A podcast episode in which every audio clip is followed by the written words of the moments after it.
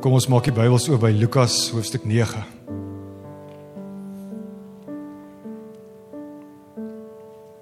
Lukas 9 ons gaan net na twee verse kyk dan kyk na die einde van die hoofstuk vers 7 en vers 58 57 en 58 Voor ons gaan lees gaan ek iets sê oor Lukas 9 en dan gaan ek vir ons 'n gebed doen Lukas 9 gaan oor disippelskap. Hierdie reeks waarmee ons besig is, hierdie Ek's in reeks gaan oor disippelskap. Jesus verwag vir ons dat ons hom 100% sal volg. Ons lees in Openbaring dat dit die Here en dit is nou so 'n bietjie kras wat ek nou gaan sê, maar dat ons die Here siek maak. Daar staan in Openbaring dat die Here wil opgooi as ons lou warm is. So die Here God het nie tyd vir lou warm Christene nie. Of koud of warm, maar nie maar nie lou warm nie. So hierso word drie mans gekonfront, gekonfronteer met die eise van disippelskap. En interessant, een van die mans sê vir Jesus: "Jesus, ek sal U volg, maar ek wil net eers my pa begrawe." Die interessante is hierdie man se pa leef waarskynlik nog.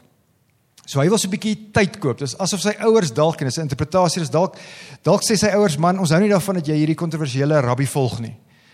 Dalk het hierdie man besef hy gaan nie by sy ouers erf as hy nou vir Jesus volg nie. So hy hy soek 'n bietjie tyd. Hy sê vir Jesus, ek wil net wag as daai daai SMS van Absa sê deposit, as daai erfgeldjies inbetaal is, dan sak in. En dan sê Jesus, man, laat die dooies die dooies begrawe. So dit sê vir ons iets, dit wys vir ons iets van Jesus se hart. Jesus wil hê ons moet hom voluit volg.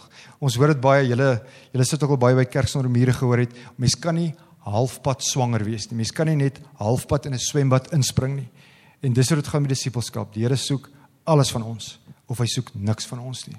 So dis dis waar ons vandag gaan gesels, die eise van disippelskap. Maar die Bybel sê ook vir ons, kom ek doen vir ons 'n kort gebed. Christus ons Here. Here ons leef in 'n tyd in die geskiedenis waar elkeen van ons 'n Bybel het. Ons het 'n Bybel in ons huis, ons het Bybels op ons fone. Here ons het soveel verskillende vertalings van die Bybel. Here en as 'n gemeente glo en bely ons dat U tot vandag toe nog met ons gesels. Here, ons glo U gesels veral met ons deur die woorde van Jesus Christus. Mag ons vandag, Here, die kinders wat in die kerk is, die ouers, die volwassenes, oumas en oupas. Here, mag elkeen van ons U stem vandag helder en duidelik hoor. Mag ons U wil onderskei vir ons lewe vir hierdie seisoen wat binne ons is. Here, dankie vir hierdie teks. Dankie vir hierdie heilige teks. Here, kom en kom gesels met ons. Spreek, Here. Ons behoort aan U. Ons behoort nie aan onsself nie. Mag ons vandag, mag elkeen van ons hoor wat ons moet hoor. Amen. Vir ons hierdie twee verse kyk. Jy het gesien die tema van vandag se diens is ware disippelskap gaan daaroor. Laat ons vir Jesus volg waar ook al, wanneer ook al en wat ook al. So wanneer die Here ons roep, gaan dit oor gehoorsaamheid en die Here wil hê ons moet inwees. So dit is die tema. Alles wat ek sê vandag gaan daaroor dat disippelskap iets van ons vra. Dit is nie altyd maklik nie. Baie van julle weet dit. Iets oor Bybel lees voor ons nou die twee verse gaan kyk. Die realiteit is baie van ons of van ons, kom ek sê eerder so, van ons wat hier sit, is nie gelowiges nie. En dis wonderlik dat jy vandag in die kerk is. Dit is nie so maklik om te glo nie vir van ons kom geloof baie moeilik. Geloof is ook 'n gawe. Dis iets wat wat net God kan skenk. Berou en geloof is die twee goed wat net God vir ons kan gee. Baie keer as mense so 'n bietjie vroeg by 'n kerk is, dan sien jy daarso is sulke twee rye spore hier buite op die gras. Dit lyk soos spore wat 'n John Deere trekker geploeg het. Dis die sleepmerke van die vroue wat hulle mans kerk toe gesleep het. So ek weet baie mans wat hier sit is baie skepties oor die Christelike geloof. Oor die Bybel nou, uitnodiging. Ons hoef nie die Bybel te glo om die Bybel te lees nie. Daar's 5 5000 miljoen mense wat nie volgelinge van Jesus Christus is nie. Dink jy hoe wonderlik dit is? Hoe wonderlik sal dit wees as hulle Bybel lees? So geloof is nie 'n voorvereiste vir Bybel lees nie. Op 'n suiwer literêre vlak is daar nie nog 'n boek soos die Bybel nie. Geen geskrif, geen versameling van antieke dokumente het so groot invloed op ons mensdom gehad soos wat die Bybel die afgelope 1900 2000 jaar gehad het nie. So geloof wil ek weer sê. Geloof is 'n gawe van God. Ons hoef nie te glo om Bybel te lees nie. So mag as jy sit en jy's ver van die Here af, as jy sit en jy's dalk skepties oor die kerk, mag jy mag jy vandag tog God se woorde, God se wil vir jou lewe hoor. Alraight. Kom ons spring in hierdie teks in. Kom ons kom ons lees hierdie teks. Kom ons rol bietjie rond in hierdie teks. Lukas 9 vers 57. Daar's 'n groep mense. Jesus hulle beweeg. Terwyl hulle op pad was, sê iemand vir hom, sê iemand vir Jesus Christus: Ek sal u volg waar u ook al gaan. Toe sê Jesus vir hom en dit is verskriklik interessant om te kyk hoe Jesus mense antwoord. Dikwels antwoord Jesus 'n vraag met 'n vraag. Hoor nou hierdie hierdie vreemde manier hoe Jesus hierdie man volg. Jesus sê net: Jakkalse het gate en voëls het neste.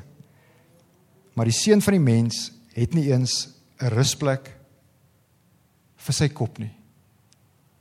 Dink gou, dink gou saam met my. En neem deel aan die erediens. Hier is ons vier sjokolades. Ek gaan vra vra. As jy die vraag reg kry, kry jy sjokolade. So moenie net hier sit om net na 'n preek luister, is baie boring. Kry gou die prentjie in julle koppe. Jesus hulle Jesus hulle beweeg en dan kom 'n man aan en hy sê vir Jesus: "Jesus, ek is in." My vrou Christina het 'n vriendin, die vriendin kom van Prieska af daar in die Noord-Kaap en as hulle 'n girls weekend reël, dan sê hierdie meisie altyd: "My naam is saam." Wie van julle gebruik die uitdrukking ek is in soos gin? Alraight. So dis wat hierdie ou sê, Jesus, ek's in. My naam is saam. Ek het laat my lewe getrou. Ek het op 36 getrou een van my beste pelle ou Andrei ons was saam ken mekaar van laerskool 5 jaar hoërskool 5 jaar in die kos is ons kamermaats tot vandag vriende hy het op 37 getrou so ons het baie tyd gehad in ons lewe as ons mekaar gebel het so op 'n donderdag of 'n vrydag het die persoon wat antwoord nie hallo gesê nie nie hy hoe lyk dit nie al wat die persoon gesê het. As hy my bel sou ek net gesê het ek's in. Wat gaan ons vrydag gaan doen? Waar gaan ons uitgaan? Gaan ons braai? Wat ook al nie goed. So, so dis wat hierdie ou doen. Hy sê net vir Jesus Jesus ek's in. Kyk nou hoe antwoord. Die man wat sy sy dood en sy opstanding voorspel het. Kyk hoe antwoord die seun van God, die, die een wat aan die begin daar was toe God geskep het. Jakkalse het gate. Om te verstaan wat Jesus hier sê, moet ons bietjie gaan krap in die Nuwe Testament. So werk saam met my vir 5 punte. Nog nie vir 'n sjokolade nie, want dit is 'n maklike vraag. Vir 5 punte. Al die kinders. Toe Jesus 'n klein babatjie was, was daar 'n koning wat gesê het: "Al die seentjies van 2 jaar en jonger in die omgewing van Bethlehem moet doodgemaak word." Wie was daardie koning? Wie weet? Moenie uit moenie uitskree nie. Wie van julle weet wie was daardie koning? Is daar 'n kind wat weet? Matriek en jonger. Ek sal vir hulle kind 'n sjokolade gee. Luister, jy's 'n kind met 'n baard.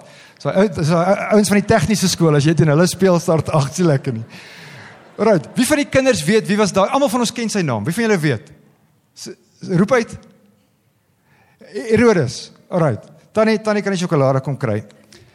Herodes se volle titel was Herodes die Grote. So as jy lê sit en jy die preek is vir jou boring, Google bietjie. Herod the Great. Jy gaan meel, jy gaan meer as 7 miljoen resultate kry. Herodes die Grote was 'n baie bekende man. Wat ons van hom moet weet. Alrite, en ek praat nou om te verstaan wat bedoel Jesus met die woordjie jakkalse. Wat ons moet weet van Herodes die Grote is, hy was 'n skatryk man.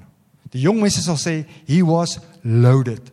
Hy het omtrent vir 40 jaar daar in die omgewing van Jerusalem regeer. Sy sterkpunt was 'n goeie eienskap van hom was hy was 'n magnifieke bouer. Hy het onder andere die tempel in Jerusalem herbou, hy het die tempel gerestoreer. Wie van julle was al by daai tempel in Jerusalem? Ek kan vaar van ja, van daai stene is nog daarso. Hy het paleise gebou, kastele, hy het forte gebou. Hy het interessant, die van julle wat lief is vir kultuur, hy het teaters ook gebou. So Herodes die Grote, skatryk, hy was 'n bouer. Hy het 'n donker kant gehad. Matteus 2, kindermoord. Hy het een van sy vrouens laat vermoor. Wie van julle mans wou dit al doen?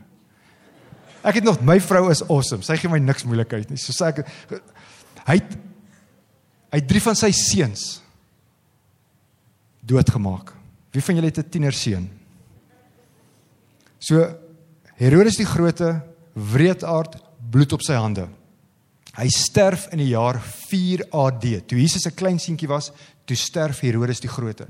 Die Romeine kom en hulle verdeel sy koninkryk in 4.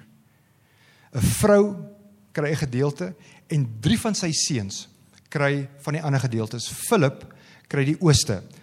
Arkeleios kry die gebied daar rondom Jerusalem wat ons vandag Judea noem. Ons lees daarvan ook in Matteus. En dan dan was daar een van sy seuns wat Galilea gekry het. Galilea was die gedeelte, die streek, die provinsie waar Jesus groot geword het. Dis waar Jesus ook sy aardse bediening begin het. Vir sjokolade. Peppermint crisp. Wat was die man se naam wat in Galilea geheers het? Julle ken sy naam. Wie van julle weet? Een van die Herodes die grootste seuns. Wat raai? Begin met 'n H. Sê is reg, sê gou weer. Ook Herodes. Herodes Antipas. Dis hy, kry hom nou. Gedog ons gaan na die tyd kry maar jy's welkom. Vandag se preek gaan nie oor selfbeheersing nie. Alrite. So Herodes Herodes Antipas was so sy pa, Herodes die Grote, skatryk. Herodes Antipas het landgoed op landgoed besit. Wat weet ons nog van Herodes Antipas? Hy het leiwagte gehad. Hy het 'n klomp mans gehad wat hom opgepas het. Baie belangrik. Baie belangrik om Jesus se woorde jakkals het gate te verstaan. Hy het 'n klomp bedienis gehad. Hy het verskriklik baie bedienis gehad. Hy het mense gehad wat op die broodlyn geleef het wat hom bedien het. Hoekom? Sodat sy lewe gemakliker kan wees. Sodat sy lewe 'n bietjie lekkerder kan wees. So vir Herodes Antipas het alles gedraai rondom sy geluk en sy gemak. Lukas hoofstuk 13. Jesus is daar. 'n Klomp Fariseërs kom na Jesus toe. En hulle sê vir Jesus: "Jesus, Herodes wil u doodmaak." So Jesus is volwasse man. Jesus, Herodes Antipas, soek u bloed. Toe sê Jesus vir hom: "Gaan sê vir daardie vir hierdie sjokolade. Gaan sê vir daardie jakkals. Tannie, ek sit hom hier so neer vir tannie. Tannie hoef nie te kom haal nie. Het julle gehoor? Herodes sê: "Gaan sê vir daardie jakkals." Jesus het nie van Herodes Antipas gehou nie. Al die mans, kan ek julle aandag kry? Ek wil nou oogkontak maak met soveel as moontlik mans. In die antieke Joodse kultuur. As jy vir 'n man 'n kompliment wou gee. As jy iets wil sê van 'n man van statuur, 'n groot man, 'n sterk man, 'n man wat 'n betekenisvolle lewe gelei het, sou jy gesê daai man is 'n leeu. Ek aanvaar meeste van die mans wat hier sit, sal dit as 'n kompliment ervaar as jou familie, jou vriende en jou kollegas na jou verwys as 'n leeu in die tyd van die Nuwe Testament, in die tyd van Jesus Christus, as jy iets wou sê van iemand wat vals is, iemand wat oneerlik is, iemand wat skenaif, iemand wat skynheilig is, dan jy dan jy hom genoem 'n dat jy hom 'n jakkals genoem. Ek's in Jesus. En Jesus sê iets oor die Herodiane. Dan jakkals het gate. Voëls het neste. Vir die laaste sjokolade Wat was die simbool van die Romeinse ryk? Dis nie al jou tweede sjokolade nie. Die simbool van die Romeinse ryk was 'n arend. As jy dit nou vinnig Google symbol Roman Empire, gaan jy klomp verskillende sulke goue arende kry. Jesus ek sal u volg. Jesus sê iets oor die heersers van sy tyd. Jesus sê iets oor koning Herodes en hy sê iets oor keiser Tiberius. Hy sê iets oor die trawante aan hierdie kant, hy sê iets oor die keiser se trawante. Dis asof Jesus vir die jong man sê: Ek is 'n koning. Maar my koninkryk is nie van hierdie wêreld nie. Ek is 'n koning, maar in my koninkryk versamel ons nie skatte en geld en rykdom nie. Ek is 'n koning, maar ek het nie 'n klomp bedienis nie. In my koninkryk is ek die een wat bedien. So hierdie man sou vir homself gesê het, "Oké. Okay, wanneer dit gaan oor disippelskap, wanneer dit gaan oor volgelingskap, moet ek weet dit gaan ongemaklik wees. Dit gaan ongerieflik wees. Dit gaan vir my vra dat ek moet opoffer." En ek wil iets sê, net so 'n kant aantekening oor oor offers. Nie een van ons was al by 'n plek waar 'n dier geoffer is nie. Die Here God verwag ons heel beste offer. In die antieke tyd, in die tyd van die Ou Testament, het die Here gesê, "Gaan kyk na jou diere. Gaan kyk na jou stoet, gaan kyk na jou tropvee. Dan kies jy die bul, dan kies jy die ram wat die voorblad van die landbou weekblad sou haal. Dan gee vir my daai bil. Daar's my min dinge so mooi in hierdie lewe soos 'n brahmaanbil. En die Here sê, "Ek soek dit." So dis waarmee hierdie reeks waarmee ons besig is. Dis waarmee hierdie reeks ons konfronteer. Gee jy jou allerbeste vir die Here? Hierdie man wat gesê het ek's in, my naam is saam, het besef, okay. Die Here gaan iets vir my vra. Daar's 'n jong Duitse teoloog wat deesdae reg oor die wêreld aangehaal word. Sy naam is Dietrich Bonhoeffer. Baie interessant. Duitser, hy bly in Duitsland en hy sien in die 1930s dat Hitler se beweging besig is om stoom op te tel. Hy's 'n hiperintelligente man en hy besef hier kom moeilikheid. En hy sê vir homself as kind van die Here, as volgeling van Jesus Christus, is die beste ding wat ons nou kan doen om Hitler dood te maak. En hy en 'n paar van sy vriende beplan hoe hulle Hitler gaan doodmaak. Maar hulle planne lek uit en hulle sluit vir Dietrich Bonhoeffer op in 'n kruisgevangenekamp en kort maande, ek wil sê weke voor die Tweede Wêreldoorlog Tweede Wêreldoorlog geëindig het, word Dietrich Bonhoeffer opgehang. Bonhoeffer het gesê: "Wanneer Jesus Christus jou roep, dan sê hy vir jou: Kom sterf." In die Engelse vertaling van sy boeke sê hy iets soos: "When Jesus calls you, he bids you come and die." Hierdie man het geweet, as hy Jesus gaan volg, beteken dit hy gaan baie keer buite moet slaap. Dit beteken hy gaan baie keer na siek mense toe moet gaan waarheen die ander Jode nie wou gaan nie. Dit beteken hy gaan soms moet vlug vir sy lewe. Aan die positiewe kant het hy ook geweet, dit beteken hulle gaan soms partytjies bywoon, partytjies van die tollenaars en sondaars wat baie lekkerder is as die partytjies van die fariseërs en die godsdienstige mense. So wat wat weet hierdie man? Wat leer Lukas 9 vers vers 57 en 58 ons? Hierdie hierdie gedeelte sê vir ons ons gemak ons gemak in Oktober November 2021 is nie vir Jesus Christus se prioriteit nie. Elkeen van ons moet dit weet, ons moet dit omhels. En nou is my vraag.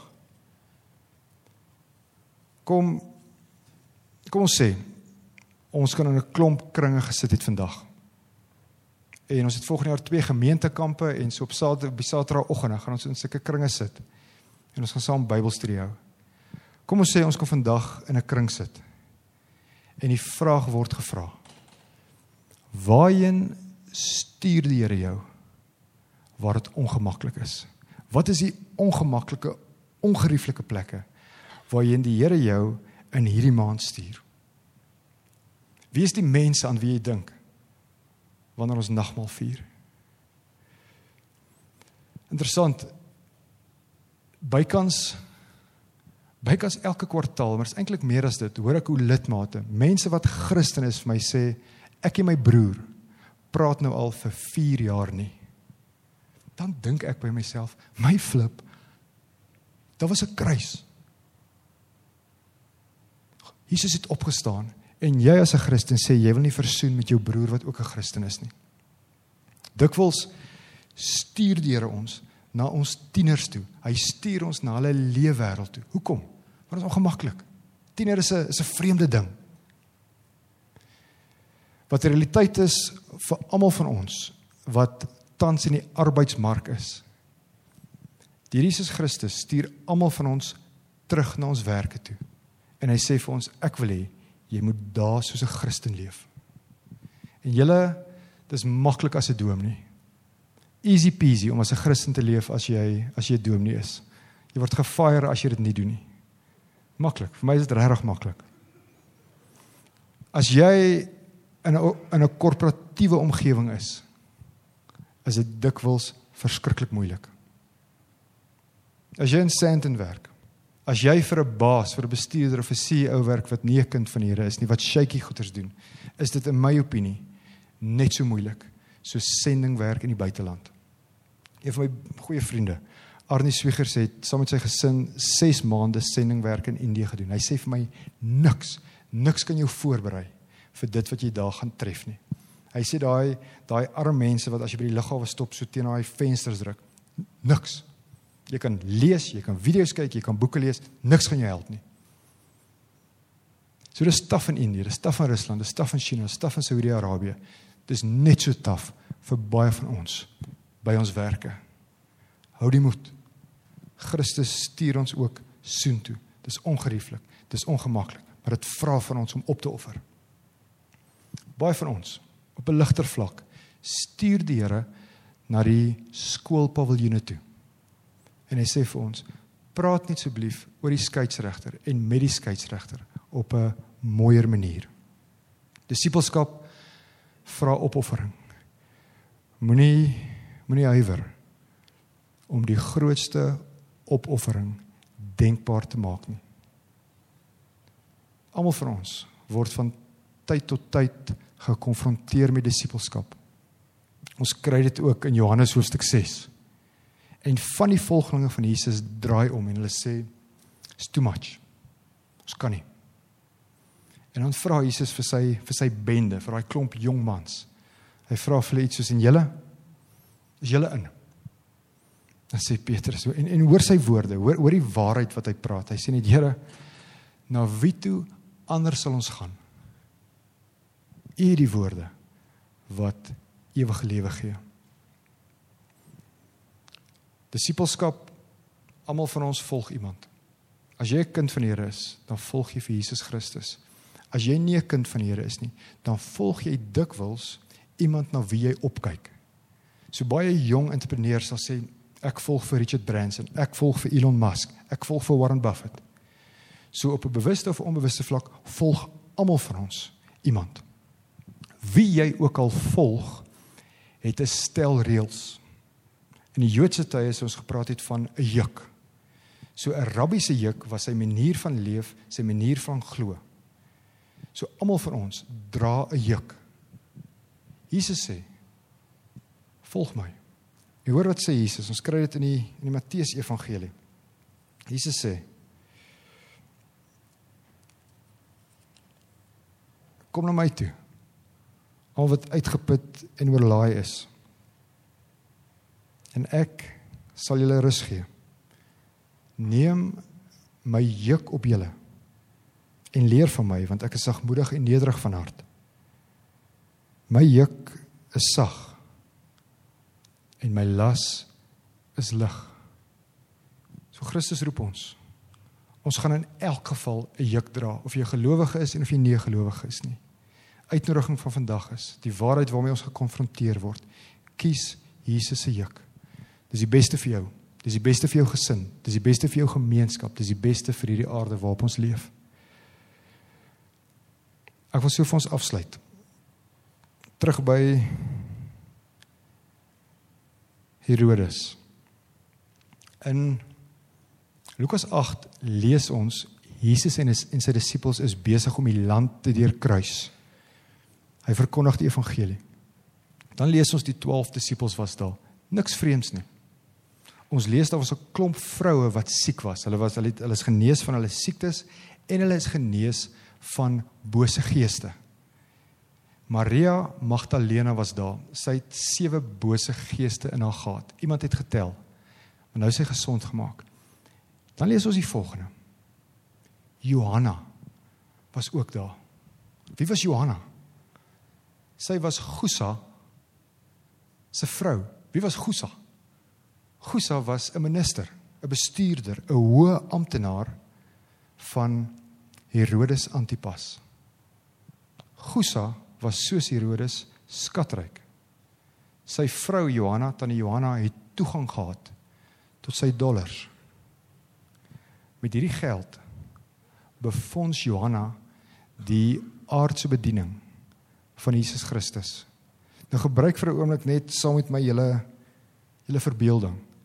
Johanna het geweet wat dit is om gemaklik te lewe. Sy het geweet wat dit is om elke aand in 'n paleis bed te slaap. Sy het geweet wat dit is om elke aand restaurant kos te eet. Sy het geweet wat dit is om elke dag in 'n spa te gaan lê. Sy het geweet wat dit is om oggend en aand 'n massering te kry. Maar sy het 'n keuse gemaak. Sy het besluit daai lewe is boring, dis leeg. Sy het besluit sy gaan eerder agter die een aanstap wat sy lewe vir die wêreld gaan gee. Sy het besluit dis meer opwindend om saam met Maria Magdalena te toer, Maria uit wie sewe duiwels gedryf is, as om nog 'n dag in 'n ou paleisie te bly. Johanna het daai keuse gemaak.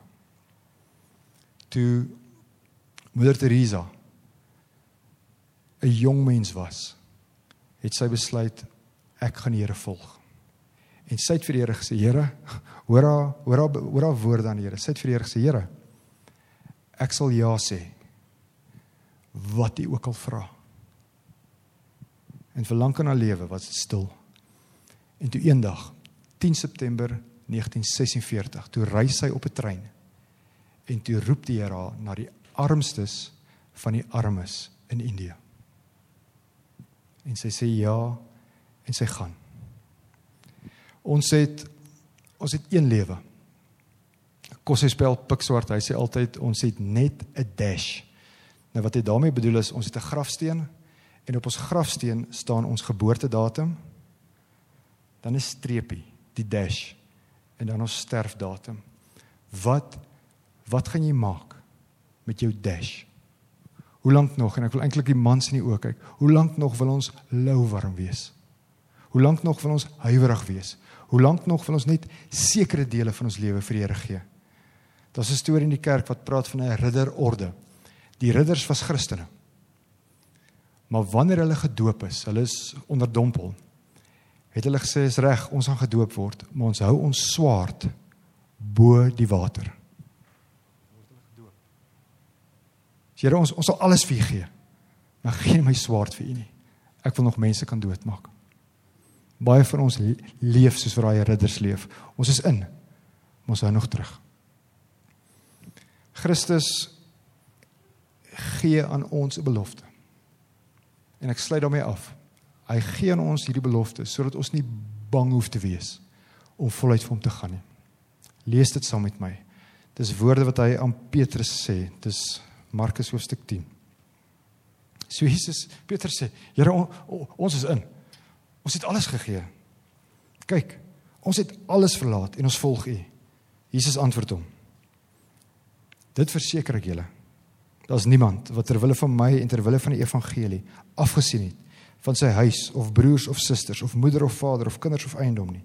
Of hy kry nou in hierdie tyd 100 keer soveel huise en broers en susters en moeders en kinders en eiendom saam reality check saam met baie vervolging en in die bedeling wat kom die ewige lewe. Amen. Kom ons kom ons bid saam. Hemelse Vader Here ons is mens. U weet ons is mens, Here en u weet ons is broos. Here u weet hoe onseker ons soms is. U weet hoe laag ons geloof dikwels is. Here u weet ons weet ookie wat die toekoms inhou nie. Here maar tog is ons seker van u roep van u roepstem. Here ons weet u sê vir elkeen van ons volg my. Here ons het u lewenskrag nodig om op u stem te reageer. Ons het u gees nodig. Ons het u self nodig. Here ons het moed en durf en geloof nodig.